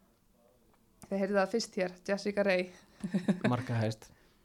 Og svo er það komin með leikmann frá Úkrænu eh, sem að er mjög teknísk víst og hérna spennandi þar hafa fengið Þessi ekki markmaður frá bandaríkjunum? Jú, jú. Einmitt, það er markmaður, Marisa er hérna markmaður og hún Elin Helena hefur verið að spila. Ég held að hérna það verður bara samkjöfni þar með stöðuna. En hérna svona fyrst þar er að fá markmann frá bandaríkjanum þá getur maður svona lesið það að hún standi kannski millir stangan í fyrsta leik. En hérna aðeins um þetta framlið um, hvað, hvað er sjönda sæti fram. Bara uh, Óskar Smári heyrir ekki í okkur bara látið þetta gossa. Geta Ég- þær farið ofar eins og hérna Ég meina ef það er með markaðasta leikmannin í dildinni þá eigar að fara ofar. Já, þannig að ég myndi til eitthvað möguleika því að ef þessir leikmenn eru einskoður og Óskar og hann þetta telja að vera þá hljóta þau að gera kröfu um að, um að liði eigar ofar það mistu náttúrulega voru með einhvern stelpur FO í fyrra ekki jú, Halla Helga var hana. mm -hmm. og Og- markmann líka held ég Hvort, hún ekki verið úr láni frá FO líka Já, þú segir eitthvað. Já, mér- það mér var, það eitthvað. var líka hérna framherji, uh, man ekki alveg hvað hún heitir, sem að hérna fór í fram úr FH. já, Hún spilaði, hún spilaði ekkert með okkur. Nei. Þannig að En jú, Þeim- þær eru með hvað, fjóra, fjóra útlendinga? Já. Já, þannig að og það spá sjönda sæti. Einmitt. er þetta ljótt nei, ég meina við hefum ekkert séð þessa útlendinga og við bara þú veist, Nei, og það er tapa 5-0 landa fyrir vikingum ég veit svo ekki hvort það þeirra að vera að spila uh, ég sá þar ég sá tvo eða þrjá leiki með þeim ja, undirbúrstímbilinu uh, og ég fannst það ekki samfærandi en það er svolítið síðan og búin að fá svolítið mikið af leikunni síðan og til dæmis að fá eina á láni frá okkur í Káir Emilju sem á eftir að standa sig held ég bara virkilega vel í þessa dild og, og hérna, styrkita lið mjög mikið. En ég held bara þetta sé mikið af breytingum. Nýtt þjálfara tími og margi leikmennfarnir og útlendingarnir hefða mér fyrir að sérstaklega hanna sem fór í tindastól hún var bara geggjuð þannig að þær þurfa svolítið að leysa það vandamál. Mm en ég held að Óskar sé sveittur reyna að leysa þetta vandamál. Nei, þetta er ekki vandamál lengur. Það, ég held að þið bara býði spennt eftir fyrsta leik. Ég meina, fyrst að útlendingarnir verða allir með í fyrsta leik þá er bara bjart yfir þessu. Hérna, en við hérna veljum ekki lengur við fram. En sjötta sæti þar hérna er IR og IR lenda í sjötta sæti í fyrra líka eh, tapa 2-0 fyrir tindastól eh, í mjölkubyggarnum og detta út úr honum hann að 14. mæ IR gaf tindastól alveg leik og þar tindastól var að spila með sitt bara besta lið held ég þó að Muriel hafi ekki, já, hún var á bekknum en þær eru búin að fá hérna markmann Marta Kolóma og svo er þær konum með Margreði Sveins. Hún ætlar að taka slæði með í sumar og vera all-in, það er náttúrulega bara svakaleg reynsla. Eh, Sandra Dögg sem var nú í Káar eh, hún er komin heim í ír Anna Bára komin heim. Og svo er Unnur Elva sem að hérna snýr aftur í ír, hún er uppalinn í ír, er það ekki? Jú, bara var að fá félagskeitti út káir núna bara Já. um daginn hefur verið að glíma við hérna, höfumnesli þannig að hún hérna, byrjaði að æfa sem er jákvætt. Er þetta ekki bara sjötta sæti er, þetta of, er við með þar of neðalega mm, ég veit ekki, ég meina mér veist bara skipta miklu máli hvort að unnur sé með eða ekki því að hún, ég held að hún eigi svona 300 mörg í þessari dild alltaf markaðist hún spilar hana og ef hún er með þá held ég að hérna, það getur að hörku lið. Þetta er, ég bara satt fyrir sjálf mig þetta var þessi leikur á móti í er og leikur á móti völsungi voru svona erfiðustu leikinni fyrir allavega hérna, börnin sem ég var með. Bara, þú veist, það er að fara að spila ákveðin fótbolta á þig og hérna og hann hérna Engi Bert á línunni alveg trilltur og þú veist, mikið læti og, og leikmenn alveg, þú veist, skila því þeirri orku inn á öllin þannig að það er láta að finna fyrir sér og eru svona, þú veist það er ekki skemmtilegast að liði heimann að spila við ef ég höra alveg hinskilinn þannig að ég held að það eftir líka að hjálpa þeim svolítið sko. mm -hmm. að vera svona, þú veist, þetta eru hvað maður að segja, þótt að þetta sé ekki, ekki gamli leikmenn eða einhverjir þvílíkar einslu boltar, þá er þetta svona já, þú veist, eins og bara ég uppliði fyrir að ég spila við, þá er þetta bara hvern menn á móti, móti hérna krökkum, sáleikur sem var bara geggjað já, lendið þú í þeim Sunneva, í hérna Jú, ég man eftir, man eftir leiknum hann á móti á íjarvellinum. Hann var svolítið erfiður, sko. já, Já, þær eru, þær eru mjög grófar. um, spila fast, já. spila mjög fast sko þannig að þannig að já, sjötta seti kannski komast það aðeins og var, Já. kannski ekki Fengu líka held ég hann hérna Þorleif úr haugum markmannsjálfur þar hefur þjálfað alveg fullt af, fullt af liðum og hérna hann er alveg jafn næstur og, og yngibert þannig að hann fekk bara annað með sér til þess að keira upp lætin þannig að ég held að það eftir að líka alveg styrkja þokkalega Já, og þær eru þarna, veist, nokkra bara með alveg rótgróð í er hjarta. Ég held að það líka bara, það kemur, kemur liðum oft ansi langt. En hérna, nógum í er, uh, fymta sætið, og þetta, ég held við hefum verið sammála um þetta. Uh, það er lið KH. Uh, það er rétt mistu af topp fjórum í fyrra sem var fór í úrslitakemnum vinnaði þetta í einu stíi, þetta er varalið vals. Arnar, þú ert hættu með liðið, Sigurður, Sigur Jóns er tekið með liðinu. Það fengur frá Val, Efi Stefáns, Jönu Sól, Karin Guðmunds í láni. Eru þær að fara hérna, er náttúrulega styrkja liðið mikið. Já, Eva var náttúrulega í, í fyrra Já, og endaði markaðist í liðinu hefur að spila með Val núna og staðið sér bara mjög vel. Já, skora nú bara alveg þokkalega mikið undir bestímilinu og hérna og er bara virkilega, virkilega öfnum leikmaður. Jana og Karin eru búin að vera í meðslum í tölver langa tíma þannig ég bara átta mikið á því hvort að það sé að fara að spila eða ekki. Uh, en eða, eins og segi, ég held að Karin hafi spilað síðast árið 2019 móðusleik Jana Sól 2020 þannig að ég, það er erfitt að alltaf henda þeim inn í þetta og segja að það er ef einhverju líkilmenn eða eiga að bera liðið uppi. Það lítur að vera einhver pæling á bakvið þetta hvort það sé að koma tilbaka eða hvernig sem það er en, en klálega ef það eru í, í standi og geta spilað og eru það er alltaf góðið fyrir þessa deild. Mm En svo hérna sá ég líka áhugaverið félagsgeti Guðrún Bára Sverrisdóttir sem að, og spilaði hún ekki með þér hérna í Hamar 2020 Jú, hún spilaði nokkra leiki. Já, hún er fætt 1987 uppalinn í Káur, ég man bara eftir henni þegar það vantaði markmann þá bara ringdi Guðrún Bára, hún mætti á hjólinu og bara klári í slægin þú veist, þarna er komin leikmaður sem er tölvert eldri en hinnar og við rættum þetta í hérna síðasta þætti mitt er, ég minna svo augnablík er þetta þegar voru að byrja, þá fenguðu Söndru Sif og hver er Ragnubjörg og fleiri, þú veist, er þetta finnst þér þetta vanta í KH svona kannski eh, eina, tvær eldri með reynslu eða viljið bara, eða viljið þið, þú veist, þú veist farin, í dag. Nei, þú veist, en eins og í fyrra uh, hefða gert mikið fyrir liðið KH að hafa ástjátna í vörninni, þú veist, Ég, úst, við, við, eða er það bara ekki planið? þetta var alveg rætt og, hérna, þetta, og þetta kom alveg greina uh, ákveðni leikmenn sem endur svo reyndar að fara í annu lið en hérna sem eru valsarar eða, eða hvernig svo lítið það. Við rættum þetta alveg fyrir að hvort þetta ætti að vera eitthvað en ég var á móti. Mér fannst bara eitthvað ósangjönd að hérna uh, að vera að taka sæti af einhverjum ungu stelpum sem eiga að vera framtíðin í val. Að þetta var stopnað veist, ég vildi stopna þetta út frá því að það var bara virkilega blöður árgangur að koma upp og, og eru að koma upp. Mér fannst þetta bara ekki takifæri til þess að fá aðeins erfiðari leiki.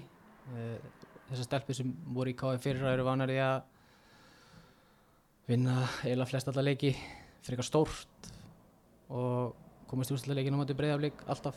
Það er alltaf svona sama dæmi í fjóraflokki og þriðaflokki upp alla flokkana. Þannig að þetta var svona uh, tækifæri til þess að spila aðeins öðru í þessu fótbolta og spila mot öðru í þessu liðum. Og þá fannst mér eiginlega eh, meika voða lítið sens að vera að henda einhverjum efnilega leikmanni út úr liðinu á veist, kostnað þess að mögulega fara upp.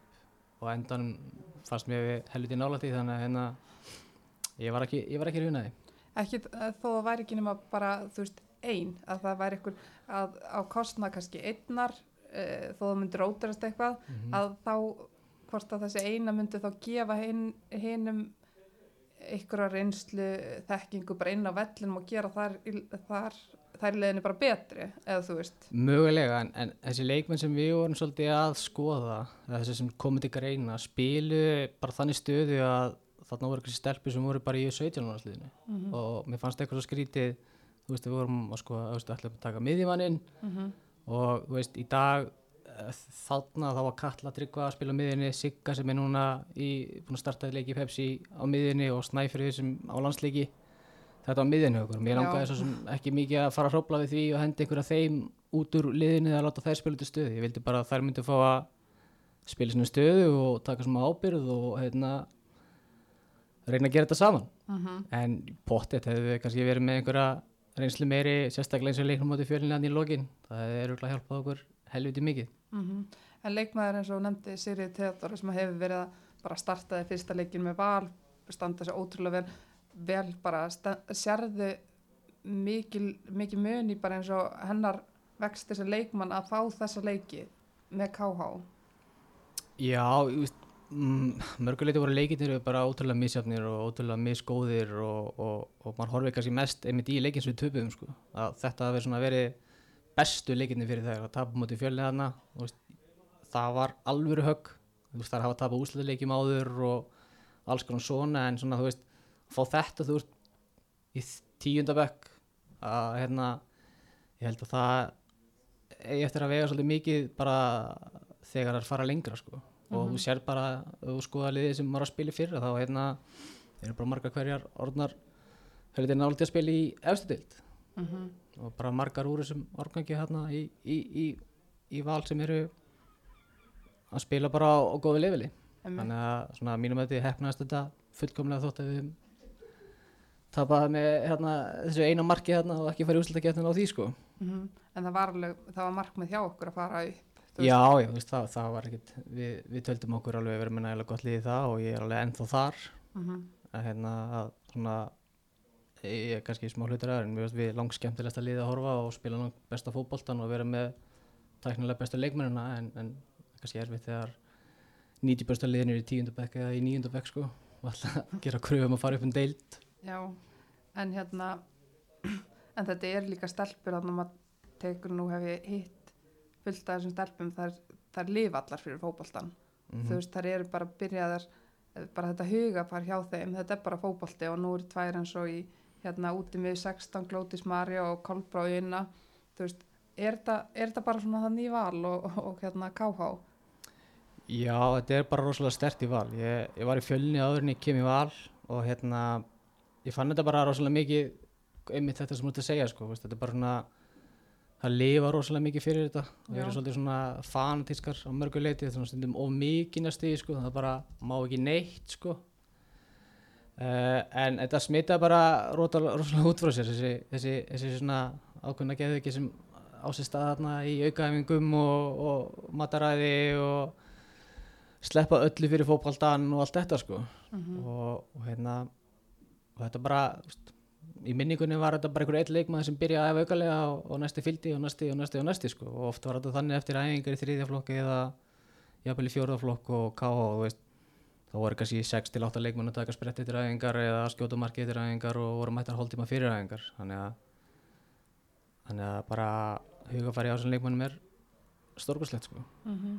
Fann ég bara gott dæmi um það.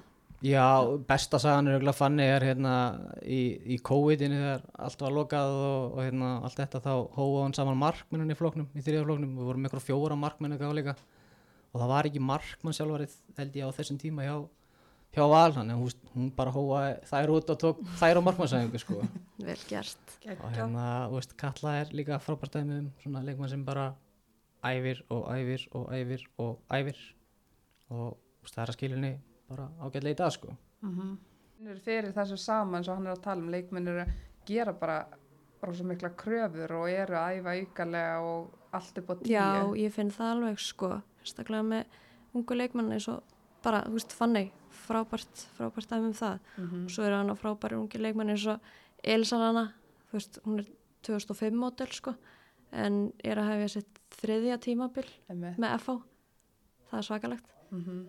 og svo einhvern veginn hinn meinn í klefanum bara sísi Lára Já, sem er með allt upp á tíu mhm, og já, þetta er gegg, ekki blanda en hérna e, fjór, erum við ekki komin í fjórða ég hefði nú haldið. Herði, fjórða sæti og við vorum sammála um þetta, við vorum held í öll sammála um þetta, við ætlum að setja Sindra þar e, höfni í hafnaferði e, það er hérna lenda í sjönda sæti í fyrra halda sama þjálfara en Jóhann Berg Kísel bætist við og uh, þær vinna KH í byggarnum fyrst en tapa svo fyrir Ía í annar umferð mjölkubyggarsins þannig að það er detta út þar. En hvað getur við hvað hva, hva getur við sagt um þetta lið frá höfn fjóruða sætið Ég man allavega eftir þannig að Samíru. já, það var- allir eftir Já, hún er svakaleg já. Hún er svakaleg. Hún Hún- getur spilað held í alla stöður, er það já, ekki? já, og skorar alltaf bara og þú veist, er að þjálfa líka er það ekki bara yngri flokkana og bara þvílík kona en þar halda náttúrulega Samíra er að fara í sitt þriðja tímabil þarna og svo Jóvana sem að hérna kom til landsins fyrst og spilaði með einherja, hún er að fara í sitt þriðja tímabil og svo er það komna með Markmann, Telma Bastos og svo Malu Macedo. Þetta er svona alveg mörguleiti bara mjög svipar hópur og, og var í fyrir nema svona nokkrar, nokkrar viðbætur og það er líka bara erfitt að fara eins og segir hérna með ferðalega á vopnafjörð þú veist, þá er þetta ekkit ósipað mörguleiti, þetta er alveg löngkeisla og hérna og oftast er farið samdægus og það getur sittið eins í manni og þetta er garasvöllur og, og hérna bara svona frekar solid lið finnst mér. Og og var alveg, þú veist, leikirnir já, við, við Sindra voru bara erfiðir og, og hérna Samíraði mitt, þú veist, hún getur svona gert eitthvað úr engu og skapa svolítið fyrir það þannig og það voru bara, eins og segja, það voru skipilaðar og með fínt gameplan og, og fyrst að það er með sama þjálfara og svipa, svipaðan hóp þá held ég að það er eiga bara að bæta sig frá því fyrir sko. Mm En svo er það með eins og þú veist Katrín Ósk sem á leiki með stjörnunni, ég, hún er hérna, Já, er hún ekki líka bara á láni? Ég, jú, ætla hún sé hérna kannski mögulega eh, frá hotnaferði eða eitthvað svoleiðis, en það er, það er vel gert. Eitthvað fleira um, um hotnaferðin, Nei, ég held að það sé líka bara stert fyrir að fá Jóhann, Jóhann Berg inn í þetta. já, hann er alveg reynslu mikið þjálfari og ég held að hann sé það hann, að, hann kemur með það inn í þetta svona heima, heimamanna hérna feeling og og bara ágætis úrslit þannig sé að vinna, vinna KH 4-2 og, og tapa með einu marki gegn, gegn Ía sem hafa verið heldur öflegar á. Undirbúrstímlunni, ég held að það gefur bara svona ágætis mynd, mynd á liðið og ágætis fyrir, fyrir, fyrir sumári ég held að sé nú alveg metnaðar í að gera eitthvað þarna. Mhm. veist, væri það ekki að sækja erlenda leikmenn og, og veist, við erum með tvekja þjálfara teimi og, og, og þetta er að setja eitthvað í þetta sko. mm Við setjum þær í fjórðasetti, ég hlakka bara til að hérna sjá Sindra spila meira, þetta er, það er hérna langt stundum að fara á höfn þannig að hérna, ég er bara spennt að fá þær í bæinn. F- Fórst þú á höfn eitthvað? Nei, Þú, þú mistir af því, það er alltaf Ég missti af sól því. þar djöl. það er, all, er alltaf 30 steg hita á höfn. En hérna en hvernig fannst þér annars svona bara svona stemmingin að uh, þú varst að spila með Hamar, þetta voru oft löng ferðalög. Mm er þetta ekki bara eitthvað sem er skemmtilegt? Eða, eða var þegar þú vissir það væri fimm tímar útiferð var það hausverkur Nei, þú veist, þegar þú ert í góðum hóp þá er það bara geggjað sko. já, Það fá að vera í fimm tíma með, með bestu vinuðinum. Það getur ekki beðið um eitthvað meira sko. nei Það. það mitt að þetta getur þjappað hópunum bara vel saman ég minna að það er skemmtilegt lið og Mm ekkert betur en góður útiferð og það ekki það nú alveg. En hérna um, þá erum við komin í sko, þá erum við komin í þriðja sætið og við getum alveg sagt að það var tekist á hérna en við ætlum að setja völsung í þriðja sætið. Arnar uh, völsungur sumir vildu setja völsung ofar og það, við skiljum það líka alveg. Það er hérna að tapa í ústita innvíðinu gegn fjöl, fjölinni í fyrra. Eru hérna með sama þjálfara. Uh, vinna einherja 4-0 í fyrstu umferð mjölkubikarsins og tapa svo fyrir fjárðarbygg hættileikni í annar umferð. En þriðja sæti þær komast ekki upp samkvæmt þessu. Hérna hvað, hvað vitum við um völsung? Uh, bara eins og ég sagði á hann þá hérna, fannst mér erfitt að spila um þetta í IR ég held að völsungur hafi verið nákvæmlega saman dæmi. Spila útivelda móti, móti völsung og var á gerðvíkar svona þegar við spilum við þar það var erfitt. Bara veist, ótrúlega velskipulegar og ég upplýði allan að í þeim leika þetta væri eitt af þessum liðið sem virkilega var búið að skoða anstæðingi sinn vel, veist, planin sem það settu upp gegn okkur virkaði bara helviti vel.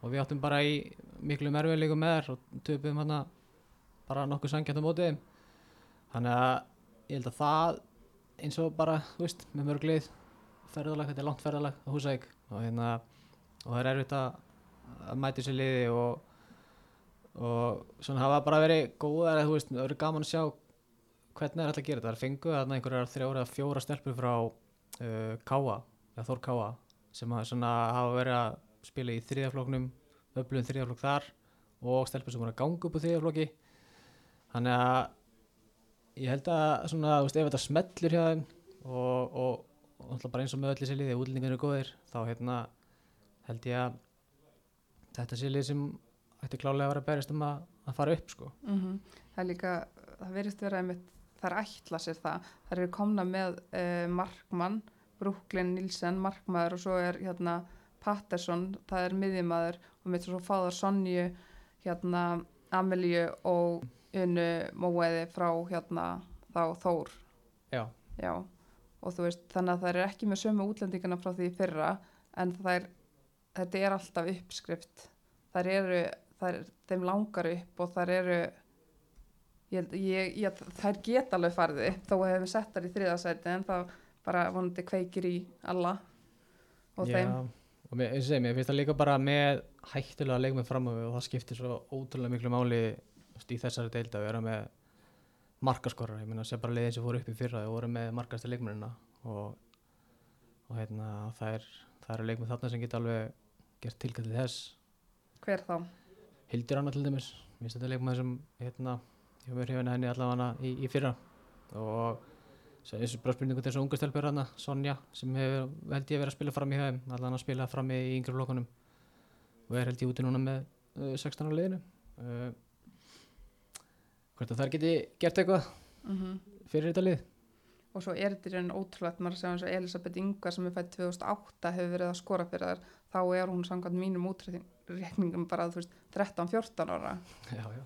Þannig að þessar stelpur eru að fá leiki í einmitt að spila bara við alvöru konur í annari deildinu, þetta er ekkit grín. Þannig, þannig ég, mér er allavega þú veist, mér fannst það góðari fyrra og mér fannst það ekkert endilega að skilja að tapa fyrir fjölni þannig að ég held að það er hljóta ætla að hérna fara upp núna sko Mm En liðið sem við spáðum öðru sæti, uh, það er fagna því.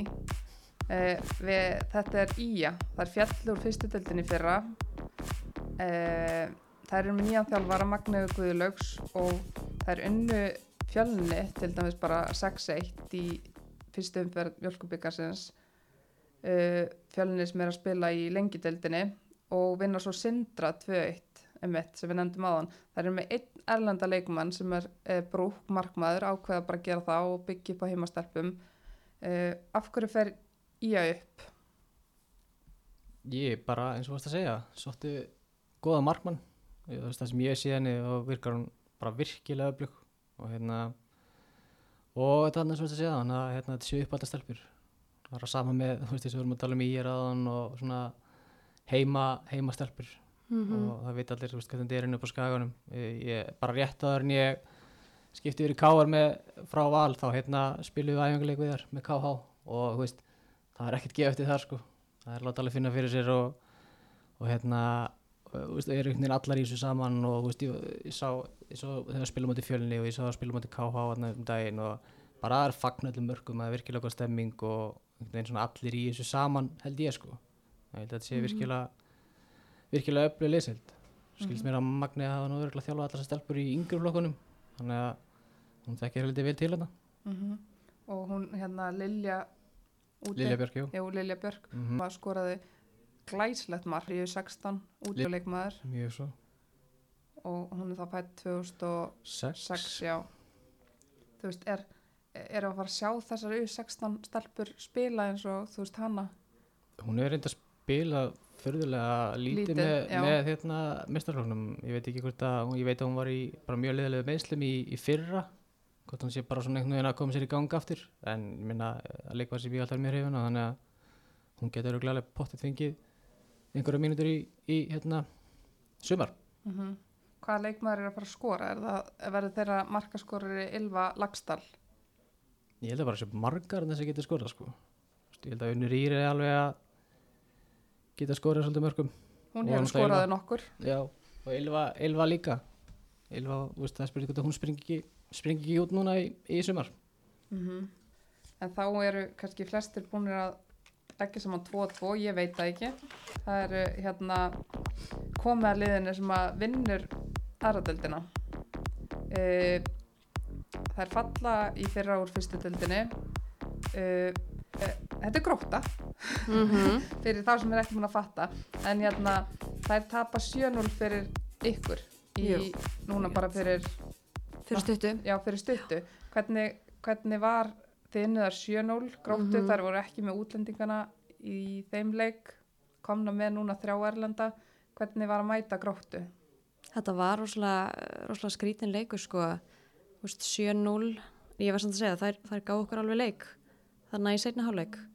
Um, þær eru með bara fína unga leikmenn hana og þetta var, já, rosalega skrítin leikur, það var einhvern veginn ekki alveg, ekki alveg 7-0 leikur, þú veist, auðvitað sátta með það en, en við erum líka bara með standard, mm. -hmm. við viljum alltaf spila vel og, og spila okkar leik, þannig að, já, en jú, bara geggja að komast áfram í bygganum, sko. Mm Á hérna Arnar, e, við, þær eru komnar gróta með þrjá Erlenda leikmenn, það er einn markmaður, e, bara það meika sens að það sé að fá markmann, þeir vanta markmann og svo tvær aðrar, er þetta góður leikmenn?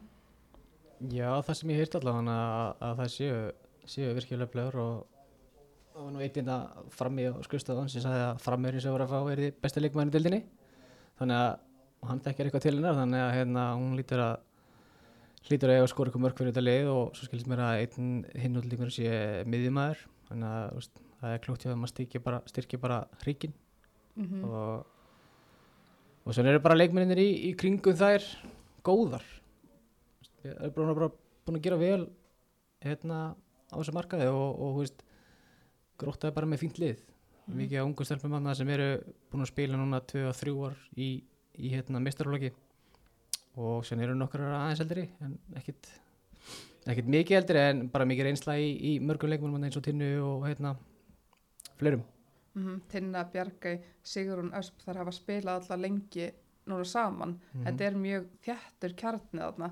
Þannig er það ekki líka sem er að koma í þetta fyrsta seti? Ég held það og hérna og svona þú veist Pétur var náttúrulega hluti af þessu í fyrra með Magga. Þannig að það er ekkit of mikla breytingar og það getur verið að þú veist, of margir leik með farnir eða eitthvað svoleiðis þannig að halda bara í hérna flesta það leikmennu sinna og e- þetta er bara lið sem æfi líka vel. Það er standardandi á, gróttu og, og það er bara viljið til að gera vel. Stór hópur á, hérna, æfingum og, og, og góð sækjarni held ég sko. Mm þannig að það er hafa bara ímislegt þess að hérna að mínum þetta er bara til þess að geta unnið þessa deild -hmm. Þannig að þetta er, samkvæmt okkur þá er þetta gróta og ía sem fór upp. En hérna, Arnar, þú fegst verkefni og Sunneva, þú mátt svo líka bara mótmála ef, að, ef, að- ef að hérna hann kemur með ykkur að vitleysu. En þú fegst verkefni að velja sérst topp 5 e, spennandi leikmenn til að fylgjast með í deildinni sem að þú sem þjálfari eða ekki þú, að það væri þjálfari sem að væri að hérna myndi líklega að horfa til Já, ég myna maður reynir að horfa á sem flesta leiki í deildunum fyrir neðan og sjá hvað það sé eitthvað sem maður geti eh, upp á framtíðin að gera Mhm. en ég var svolítið að vinna með bara uh, úst, unga leikmenn uh, sem geti sprungið út og, og leikmenn sem ég er svona til að ná við langt, þú veist, fari í meistarflokkana í sínu liði eða, eða fari jafnvel bara í einhver pepsi eða bestu dilda lið og, og hérna gæti náð bara langt svona í framtíðin, í landsliðin og annað, en ég var kannski ekki alveg að taka þessar leikmenn sem eru 25 Mhm. og upp úr eða hvað sem það er, en mér var svona og líka bara, þú veist, ég þekki kannski meira til þarna eftir að veri mikið í yngri flokkunum og, og, og hérna kannast ágætlega við Þannig að fyrsti leikmann sem ég tók var Eva Stefansdóttir í, í K bæði bara uh, var í K fyrra og, og, og hérna skoraði mikið á mörgum um, er í 17. liðinu og hún skoraði þar skoraði fyrir val svolítið í vetur. Og þannig að ég er svona hef miklu trúið að hún hérna geti skorað helviti, helviti mörg mörg í, í sumar og, og bórið þetta káalið svolítið uppi. Mm Fyrsta skipti sem ég sá Efu var hérna þegar Sara Björk heimsóttana. Já, eftir hún sleitt crossband, þá var Eva hvað? Hún var á eldri ári í, í fjóraflokki Já, og þá sá maður einmitt að þetta væri stelpa sem ætlaði bara að ná langt og Já, bara, þú veist en áttur þegar við tala um einhverja svona uh, valstelpur sem hérna leggja sér fram á eitthvað, ég er rosalega fá sem held ég sem hafi verið jafnduglegar að gera það sem hún á að gera þegar hún var meitt og öll jákvæðin og, og bara hvernig hún komið tilbaka líka. Mhm, þú veist, þetta er alltaf skellulegur aldrei til þess að slita crossband mhm. fjó, eldra ári fjóraflokki en hún hefur bara gert frábælega að koma til því og, hérna, og það er líka eitthvað sem spilar inn í að þetta er óbáslega sterkur karakter og óbáslega góð manneski sko. Mhm, einmitt.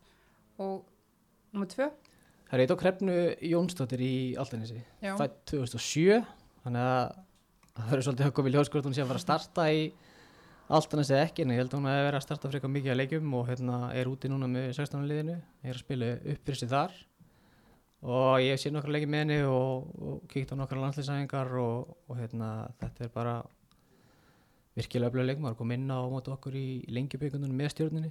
Þannig hérna ég held að þetta sé leikmaður sem hvort hún sé að fara að veist, 5 mörg eða 10 mörg eða 15 mörg ég held að það skiptir ekki öllum máli. Ég held bara aðala hérna, þessi leikmaður að fá að spila eitthvað og, og fá svolítið að hérna, sína sig og fá kannski aðeins erfiðari leiki heldur hún er vön. Mhm, mm -hmm. já, ég held að bara að vera mjög gaman að fylgjast með henni. Virkilega skemmtilega leikmaður. Mhm. Þú varst ekki einn um þetta, ég hendi einn spurningu á Instagramið, uh, ungi leikmenn uh, sem að gæti sprungið út, út í sumar, það var bæði Eva var oft nefnd og svo hérna Hrefna, en nummer þrjú, er þetta ekki eina úr, úr KH aðra á KH, Eh, já, ég var að gera það. Kolbrá. Já, Hún er úti núna einmitt með eh, hérna í 16. liðinu og hefur verið valinu í 17 úrtak núna. Fyrir stöttu, spilaði nánast alla leikinu fyrir mig fyrra. Mhm, í, þá bara verið í nýjunda bekk og 1 og 10 hæð. Og er þú veist, 1 og 11 hæð núna. Þannig hérna hún er ekkert stækkar sakalega mikið en þetta er bara geggjur típa. Þetta er stjúpsistu köllu. Þannig að hérna köllu til eitthvað þannig að er tvær eru helviti duglegar að æfa sögulega og, og metnaðan því líkur. Bara gaman að sjá svona stelpur sem veist, er ekki að fara þetta á líkamlegum atbyrjum, hún er pingulítil og frika létt. En og veist, ég hendi henni bara í bakverðin hún er upplæðið miðjumæður ég hendi henni bara í bakverðin allt tímbili fyrir og veist, það var aldrei til vés en hún bara tók það og, og neldi það. En hvaða stöður hún þá að spila eins og með 16 er þá litið á hana sem, djúpa miðjumann hún er svona bara vél, hún bara hleypir endalust, tæklar endalust og hérna er bara fín á boltanum og, og, og hugafari hjá hann er bara geggjað. Mhm, og mér finnst líklegt að hún spili bakverði hjá KH í sumar en ég held að þetta sé lík, bara einn af framtíðum leikmannum Íslands sko. Mhm, og bara enn og aftur, hugafarið hjá henni er geggjað, hún hún hérna já, veist, hefur alltaf verið litli, syst, litla sýstir köllu og mhm. mikið umfjalla, mikið umtalum köllu og allt þetta en hérna það er komið að henni, það er klálega komið að henni núna og hérna ég vona bara að hérna, hún fá að skýna eins og ég veit að hún hefur verið að dettin á æfingar hjá meistarflokki vals og þannig að ég er mjög spenntur að sjá hvernig hún stendur sér í sumar. Mhm, næsta, Herri, það tók ég leikmann fættum 2008 já, og hún hérna, hún spila hún ég held hún að með gróttu, með gróttu, Aufi heitir hún Artfríður uh, og ég hugsa að hún verði nú bara byrjunismæður hjá gróttu í sumar. Og ef hún er byrjunismæður í liði sem að voru upp þá lítur hún að geta eitthvað. Og ég er svo sem hef þjálfað hann aðeins og hún hefur verið spilað fyrir þriðurflokkinu mér í, í gróttu gáðar og þetta er bara mjög efnilegu leikmæður líkamlega komið langt en hún, hún fer ekkit allarlega á því. Hún er bara með frábæra tækni og góða boltanum og hérna og veist, hefur verið að spila eins og ég segi, hún er að spila með, hjá mér í þriðaflokki og spila upp fyrir sig þar þannig að og staðið sér frábælega og, og hérna ég veit að hún er búin að skora svolítið fyrir grótið á undirbærstímulinu þannig að ég er mjög spenntur að sjá svona unga leikmann hvernig hún stendur sig og hvernig hún höndlar höndlar það að vera í mistarflokki og fá að spila á móti alls konar leikmannum Mm það er gaman að sjá hann á móti Samiri til dæmis. Það er smá munir á milli. Þannig að ég er mjög spenntið fyrir henni og hérna, hún er líka bara skemmtileg típa og, og eins og með allar þessar stelpur sem eru ungar og veist, ástæðan fyrir að eru ungar og efnilegar er bara því að leggja sig ógislega mikið fram og æfa sig ótrúlega mikið. Það er ótrúlega gaman að sjá þessa breytingu að stelpur eru bara, bara að lifa fyrir fótboltan.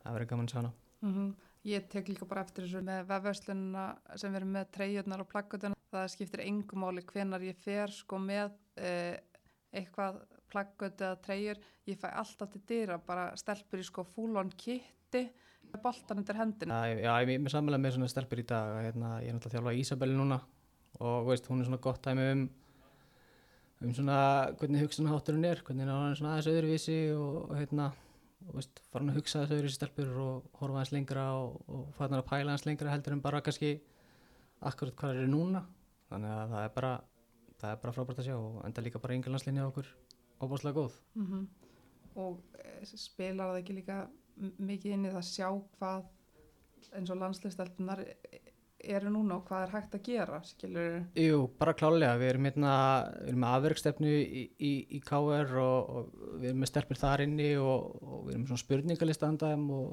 og inn í því eru sérst bara fyrirmyndir. Og það sem er mjög gaman að sjá er að sjá, þú veist, þessi íslenskunni við erum að sjá Sif svolítið oft Sveindísi svolítið oft, Sögur og Björk þannig að það er svona, veist breyting frá því að sé alltaf bara Messi eða Ronaldo mm og hérna þannig að það er gaman að sjá svona þess að stelpa vera að horfa í Sveindísi og horfa í Sif og horfa í veist, aðdumenn sem við eigum sko. Einmitt.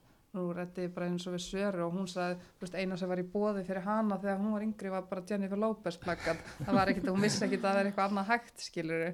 Þannig að það er frábært hvað við eigum marga leikmenn í dag sem að þessa stelpur geta litið upp til. Stráka líka. En hver er nummið fimm? Herri, það tekið einn F-fáing Nú? það Yes, hérna loksins, það tekið Katinastu og bara sammála. hérna gaman að sjá þú veist ég sé hana nokkur sinnum og spila á mótinu náttúrulega eða st- þjálfa á mótinu nokkur sinnum og við eigum ekkert alltaf marga, marga bakverði á þessu landi og, hérna, og við veistum bara að hafa ímislegt hérna í það að geta orðið topp bakverður hvort sem það er í efstu deildi eða, eða eitthvað lengra en hún bara með skemmtilegt veist, er svona veist, hún er svona pínu óþólandi leikmaður inn á vellinum veist, hún lætur alveg finna fyrir sér og er svona hérna skilir smá eftir sig og finnst gaman að tuða og eins og kannski margir erfæðingar sem voru undir Magnús Hauki Harðarsinni skilja eftir sig hérna, þá er hún bara með virkilega skemmtilegt hugafar og hérna, er sóktjörf og, og er ekki bara einhver veist, hún er virkilega hérna öflug að fara fram á við og þannig ég er svona spenntur að sjá, ég veit að hún er búin einhverjum meðslum Jú, það er rétt. en það er hérna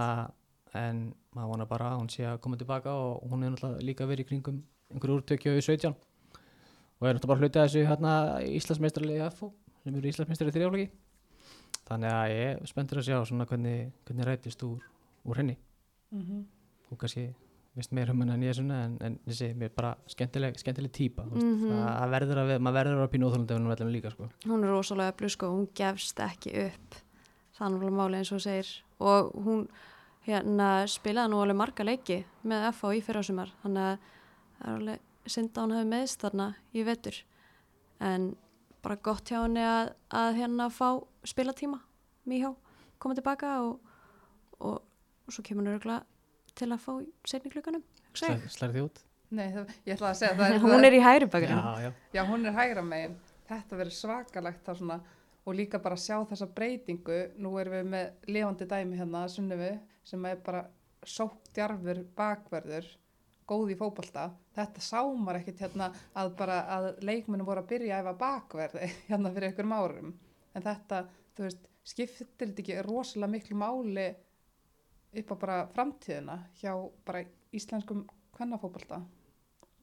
Jú, ég meina, þú horfður kannski bara í landslið okkar í dag, það er þannig sé ekki hægri bakverður að spila hægri bakverð að mörguleiti, Sifir miðurur, Guðni Átnaði miðurur, uh, Elisa hefur að spila vinstra megin þegar Hallbera er ekki, þannig að ég, þú veist, þetta er leikmenn að horfa svolítið í þetta, þeir eru viljan á langt, ég skil alveg að leikmenn vilja spila sína stöðu og allt þetta en, en svona, þú veist, þetta eru virkilega tækifæri fyrir leikmenn hérna að, að fara í þessa stöðu og, og geta gert helviti góðan fyrir úr því. Mhm.